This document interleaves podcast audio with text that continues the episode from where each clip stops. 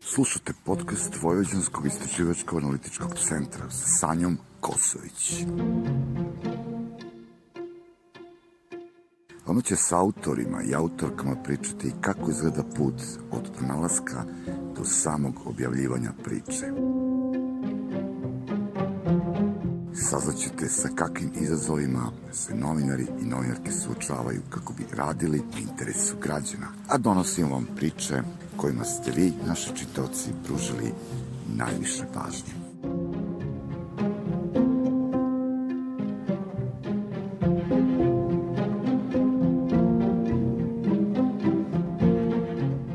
Samim tim što vam ovu epizodu donosimo prvog meseca u novoj godini, narednih 30 minuta posvetit ćemo priči koja je Vojso obeležila ne jedan mesec, već celu 2021. godinu. A to je svakako priča novinarke Ivane Gordić-Perc o radnicima u Linglongu. Tekst objavljen početkom novembra pod naslovom Više od 750 Vjetnamaca i Kineza u industrijskoj zoni Zrenjanin, bez nađe nevidljivih, bacio je svetlo na nehumane uslove života u kakvim su se pronašli strani radnici u fabrici Linglong. Nakon ovog teksta, brojni domaći i strani mediji preneli su priču o zrenjaninskim robovima, a rezultat pritiska javnosti, istinu o položaju Vjetnamaca, doveo je i do Evropskog parlamenta.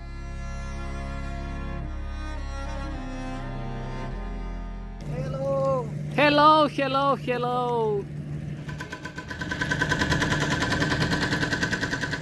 Dugačak put su prešli da bi ih poslodavac prevario i da bi na kraju mesecima živeli u neuslovnim barakama bez osnovnih uslova za život. Prvi utisak je da je bilo neverovatno, e, da ti imaš 500 e, robova u, skoro u, u srcu Banata, ne skoro, to je 500 robova u srcu Banata s kojima ti ne znaš šta se dešava koji su potpuno izolovani, vizualno, ljudski, kako god hoćeš, biološki.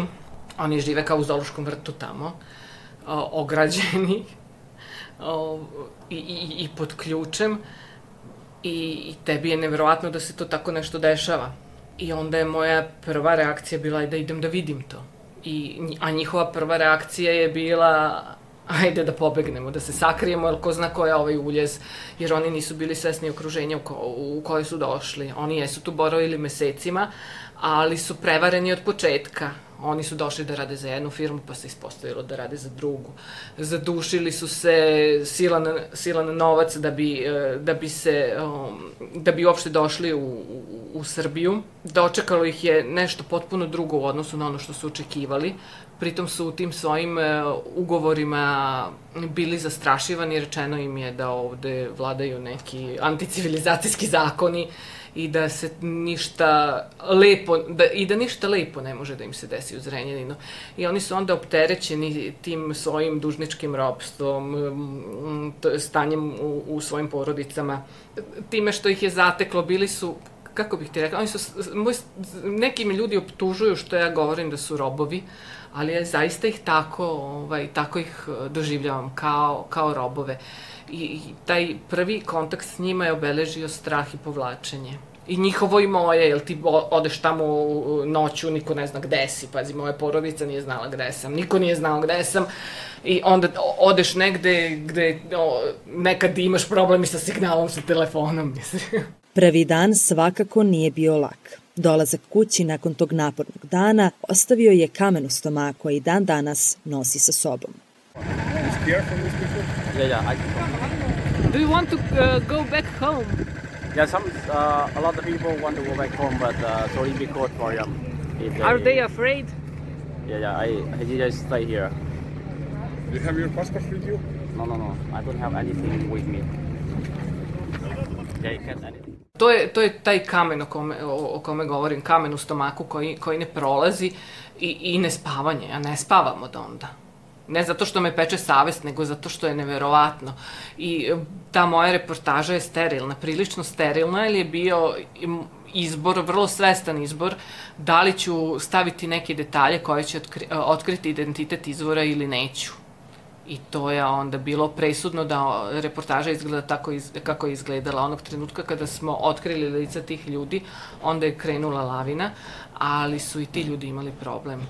Dakle, moja glavna dilema je da li da, dokle da idem, to je, znači, naći pravu meru, to je glavna, glavna stvar u celoj ovoj priči je bila kako naći pravu meru.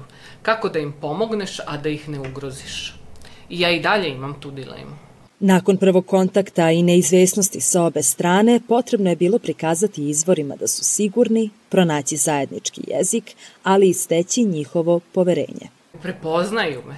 Taj prvi trenutak kada smo se ovaj, upoznali, Vjetnamci i ja, e, oni su meni svi bili isti, znaš, svi bosonogi, e, svi tako usukani, gladni, prljavi.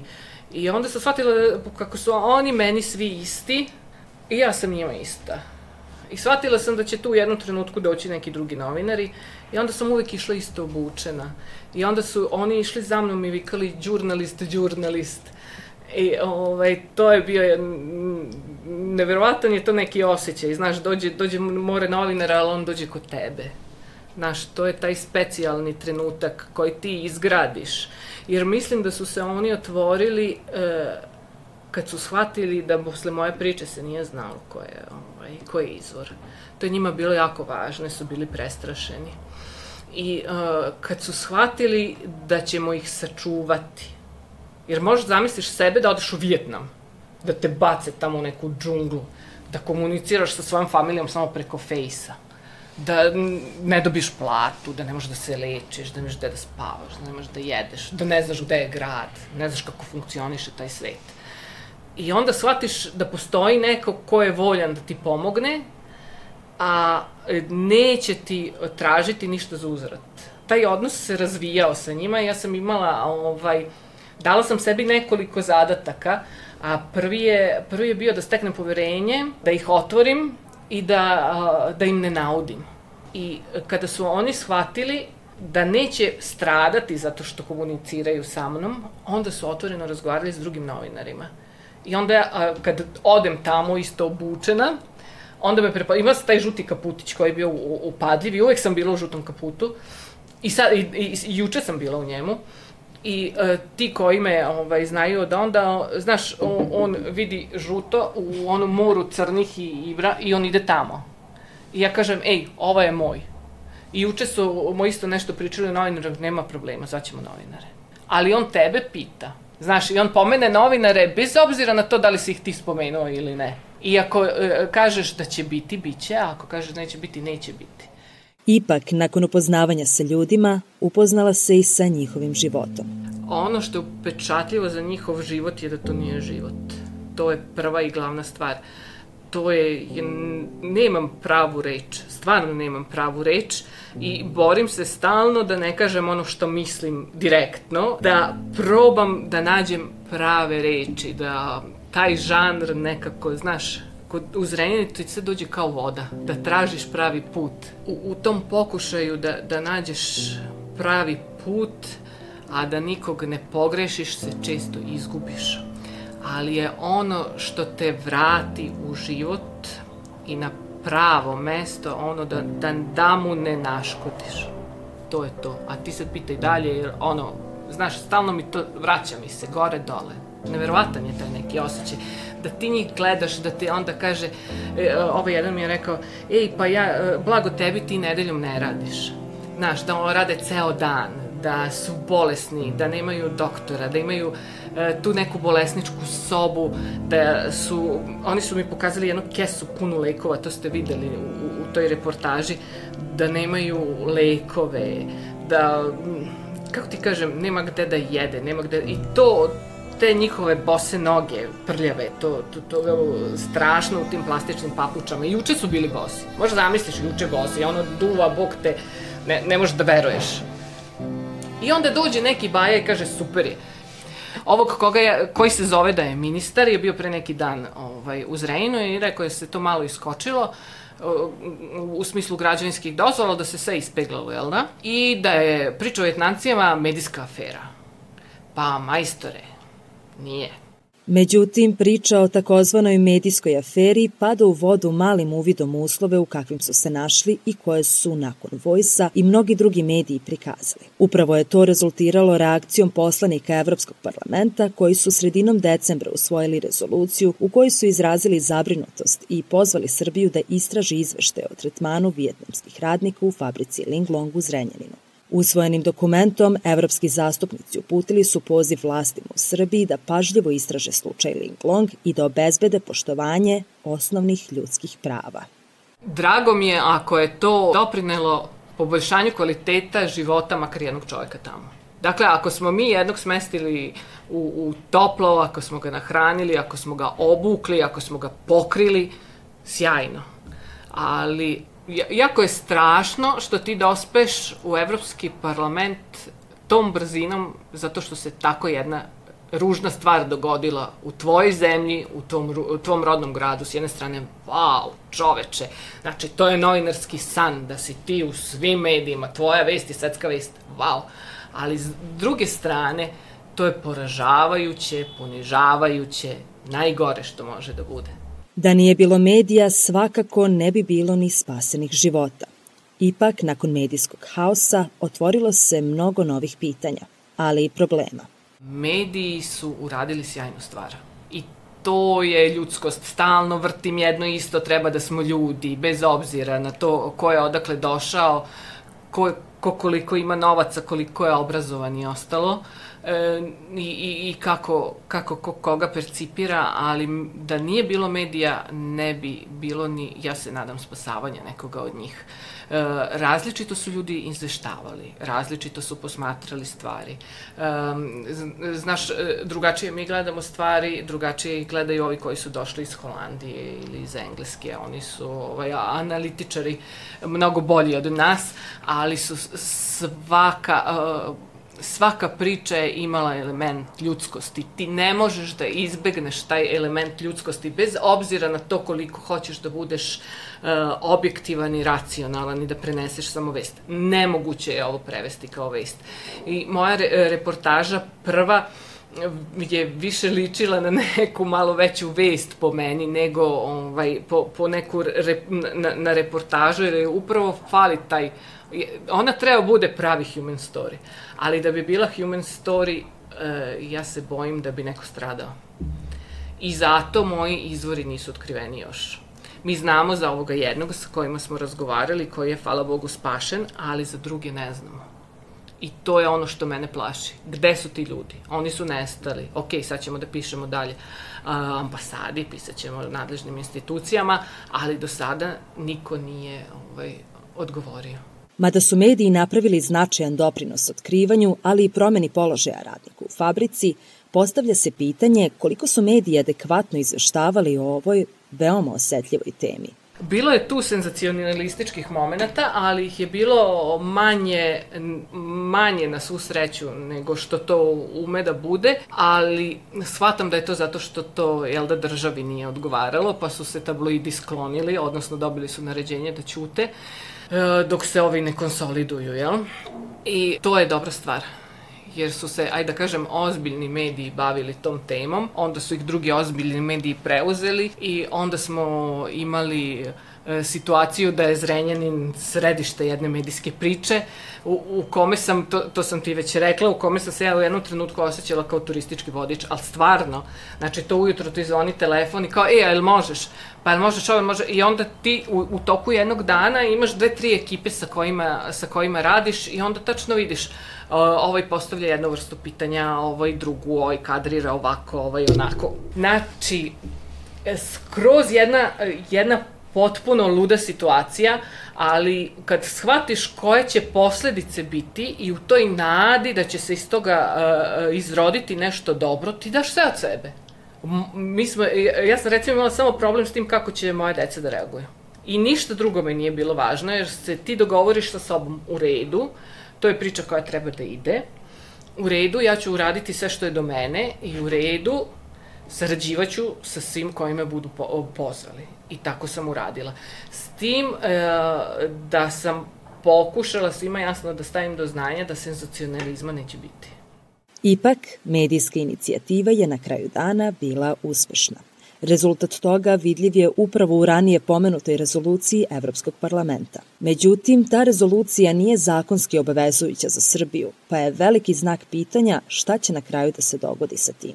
To je rezultiralo tom rezolucijom u Evropskom parlamentu. E, sad, e, jel da ja sa zebnjom gledam kako će se to dalje razvijati, zato što ona nije, o, nije zakonski obavezujuća za nas, za našu zemlju. To možemo mi da se složimo oko toga Eh, šta tamo piše, ali da li će se složiti oni koji treba da implementiraju, to je potpuno druga stvar. Eh, što se mene tiče, eh, pošto je to delegacija dobila, delegacija Evropske unije dobila da prati, moj stav je da oni treba podignu dva šatora. Jedan u centru, ispred opštine, ispred gradske kuće, a drugi tamo na ulazu u Linglong. I ti tamo treba da sediš i da gledaš šta se dešava, jer se stvari dešavaju nevjerovatnom brzinom. Osim što je ova priča značajna zbog svega o čemu smo do sada razgovarale, Ivani je lično ova priča veoma važna, jer je upravo bila razlog da se vrati u novinarstvo. Naša prednost je bila u tome što smo mi svi gerilci. Imali smo iskustva iz 90-ih i onda se to samo se vratilo, to je, to je bilo neverovatno. Um, ja nisam radila godinama, ne kažem decenijama, ali onog trenutka kad kaže ideš, ideš živo za 5 sekundi, samo se okreneš. Znači, kao da, je, kao da su prošli dani. To, se, ovaj, to su stvari koje su neverovatne, to je, to je neko moje lično iskustvo. Znači, mozak počinje potpuno da se vraća u taj mod i to je, to je wow. I onda kad ti radiš udružen sa nekim tvojim kolegom iz Srbije ili iz inostranstva, ti osjećaš da će to dati nešto dobro. Ja se jedno, ima tome 20 godina, pravila sam se jako pametna i bio neki trening na kojem je bila Milica Lučić-Čavić. I ja se posle nekog treninga napravim pametna i odem kod nje i kažem, kažete vi meni sad kako ja da znam da li sam uradila dobar prilog ili ne. A ona ovo lišna, znaš, metar i 50 a sedela za nekim visokim stolom i otprilike smo mi nekako iste visine kad dođemo, a ona ovako me pogleda i kaže, znaćeš, pa dobro znaću. Bog te, znaš, znaš, I imaš tu neku muziku u glavi, ali to je neka posebna muzika u glavi koju ti osetiš kada znaš da li radiš pravu stvar ili ne. Mi smo uradili pravu stvar, mediji su uradili pravu stvar i da nije bilo medija ne bi bilo priče o Vjetnamcima, ne bi bilo rezolucije i mediji sad treba da nastave da prate ovu priču kako bi se ti ljudi vratili u neke normalne životne tokove.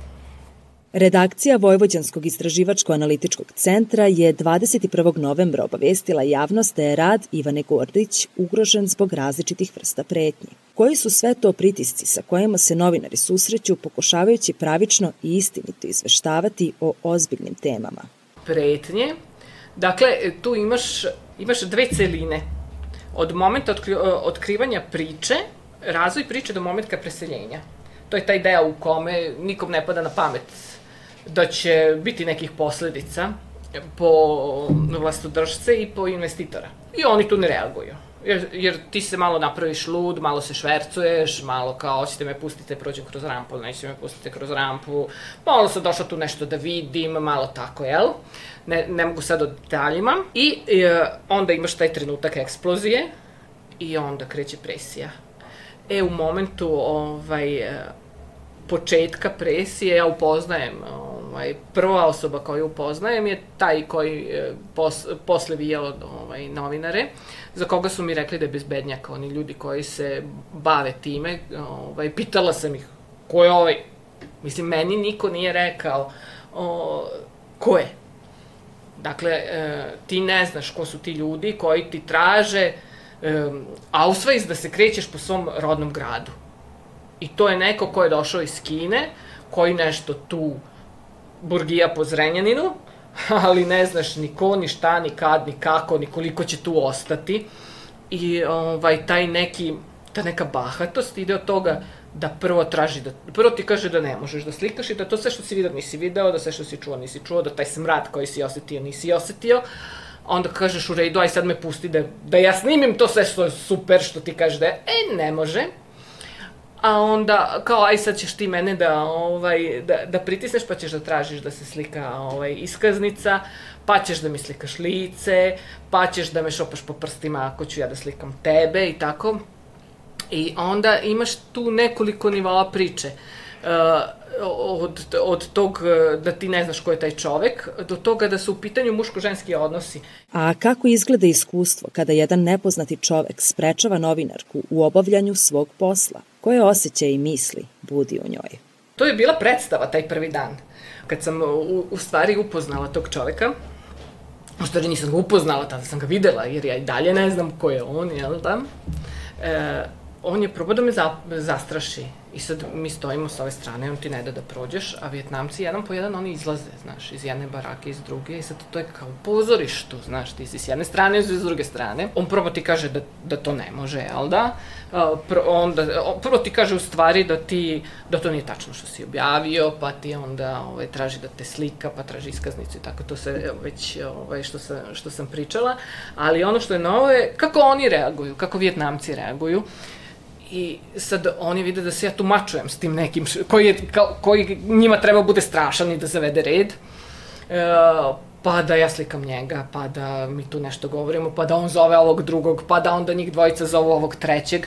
I da, kako ti kažem, ne da me njima pardona, e, ovom gospodinu koji nas je jurio po, po njivja i, i pretio. Mi smo se upoznali toga prvog dana I kad uh, on je bio zapanjen uh, jednom mojom rečenicom na kraju, kad stvarno već nismo mogli lepo da se dogovorimo, ja sam rekla da on gost u mojoj zemlji i da se tako ponaša i da poštuje zakone ove zemlje i da odgovara na moje pitanja. Jer je on u ovoj zemlji dužan da odgovori na pitanja novinara.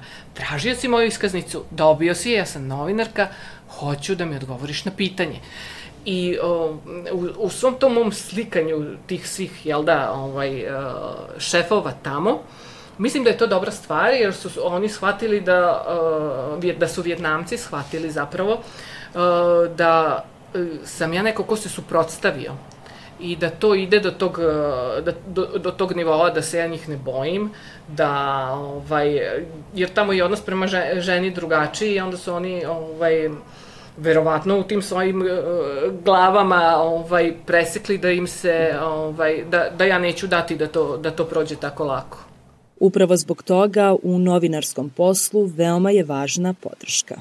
Sve je bilo provereno duplo i to je ono što u ovakvim pričama ovaj, oduzima jako mnogo vremena i živaca i to su neke psihološke igrice kojima ljudi pokušavaju da te ovaj, skrenu sa puta, ali ako znaš koji je cilj, onda ideš tamo. Meni je drago, recimo, što sam ja mogla da, da zovem u, u ponoći u po dana, ako ne znam, da nešto proverim, da vidim, da znam da će biti neki ljudi iza mene. To je jako važan trenutak, jer znaš kad ti se vijaš s njima u 90 uveče, kad juriš da vidiš gde će da ih prenesu, pa onda ih spakuju u jedan autobus, a pošalju prazan, pa znaš, postoji milion tih momenta u kojima ti e, nisi načisto sa sobom, e, onda je važno da staneš, da racionalizuješ, da kažeš, e, aj sad kako ćemo pravo dalje. Veliki je bio pritisak, veliki je bio pritisak i mislim da će tek biti i kada su me pitali da li se osjećam e, nesigurno, naravno da se osjećam nesigurno u nekim trenut, trenucima, ali više za svoju porodicu nego za sebe. Osim što ova priča doprinala tome da se rasvetli položaj radnika, probudila je i humanost. Aktivisti, nevladine organizacije i građani prikupljali su solidarnu pomoć za radnike iz Vijetnama. U Zrenjinu i u Srbiji čini mi se da su ljudi bili striktno podeljeni na one da i one protiv. To je u ovoj priči što je, ovaj, što je glavno, da tu nema sredine, tu nema sive zone. Znaš, ili crno ili belo, to se redko dešava, da nemaš neutralnih, ali ovde stvarno nema, nema neutralnih. I onda su te prve akcije uh, bile skromne, valjda dok se nisu ohrabrili ovi ljudi ovaj, koji su hteli da donesu pomoć. I to je ono što mi je bilo lepo. Jer su ove organizacije kao što su Astra, A11, Zrenski socijalni forum, Oktobar, Solidarna kuhinja, sada ne nabrajam sve. Oni kad su objavili, mi smo svi to nekako, mi smo pustili vest, probali smo da na fejsu, znaš, ti uvek imaš ono AB testing, ko će dobro da reaguje, ko će loše i uh, bilo je više onih koji su dobro reagovali. i ljudi su počeli da se okupljaju, da donose nov, novac, da uplaćaju. Znaš, do, dođe ti e, žene da nese 10 pari čarapa. Znaš, da, kad ti dođe penzioner da kupi 10 pari čarapa, to je velika stvar. Donosili su hranu, mislim, to, to su, mi smo išli s punim rukama tamo. Ta reakcija organizacije, nevladinih organizacija koje su preuzele ulogu države, koja nije uopšte reagovala u skladu sa svojim ingerencijama i to da je dolazilo uh, lokalno stanovništvo, to je moment koji je Vitnamcima dao, to je, to je kick-off. To je trenutak u kojem su se oni ohrabrili i shvatili da im se neće ništa ružno desiti ukoliko se budu pobunili, ukoliko budu se založili za svoja elementarna ljudska prava. I to je na kraju rezultiralo i, i spasavanjem jednog od njih, tako da se nadam da ćemo spasiti i ove druge pritisak će nastaviti da raste. Ipak, Ivana se nada da će ostati makar jedna iskra uticaj ove priče koja će spasiti buduće radnike. Pritisak će da raste jer oni su bili toliko puni sebe i sigurni u te svoje šeme i šemice da nikom nije palo na pamet da će neko da ode tamo, da nešto kaže, a ne da će stvar da se razvije tako.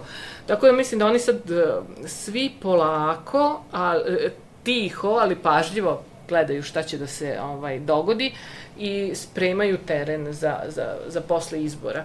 Ti ljudi su bili ono, iz kanalizacije prebačeni u dvorac, pa su i, i iz dvorca će biti prebačeni u te kuće i kućice, pa će na kraju opet završiti u kontejnerima. Mi smo juče videli te kontejnere koji lepo izgledaju s polja, vidjet ćemo da će biti grejanja i šta. Ali, hoću da kažem da taj krug koji smo počeli, krug straha se polako opet vraća na svoj početak stari i ovi, jel da, veterani koji su radili na, na izgradnji Linglonga, neki su otišli, neki su zastrašeni, neki su sklonjeni. Mi znamo da su neki otišli, ali da su došli novi. E, mi s tim novima nemamo kontakt. Dakle, sve je pažljivo izrežirano. Ljudi su rotirani, rotirane su im smene, rotirane su mesta prebivališta, tako da, ovaj, ti ne možeš više da ih, eh, da ih skupiš tako lako ali ono što me raduje da su oni jedan vrlo ponosan narod koji je imao vekovno ovaj, iskustvo sa kinezima i oni znaju šta može da ih dočeka tamo i um, mislim uh, da će oni nastaviti da se bore za sebe, da će biti samo organizovani, da su oni, neki od njih već čuli šta se da, ovaj, dogodilo i da će ostati ta neka iskra koja će spasiti neke, neke buduće radnike koje će doći.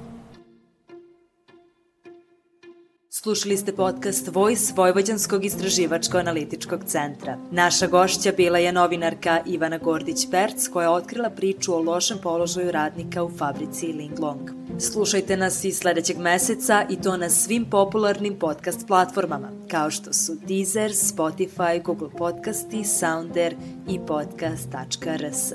Do sledećeg slušanja.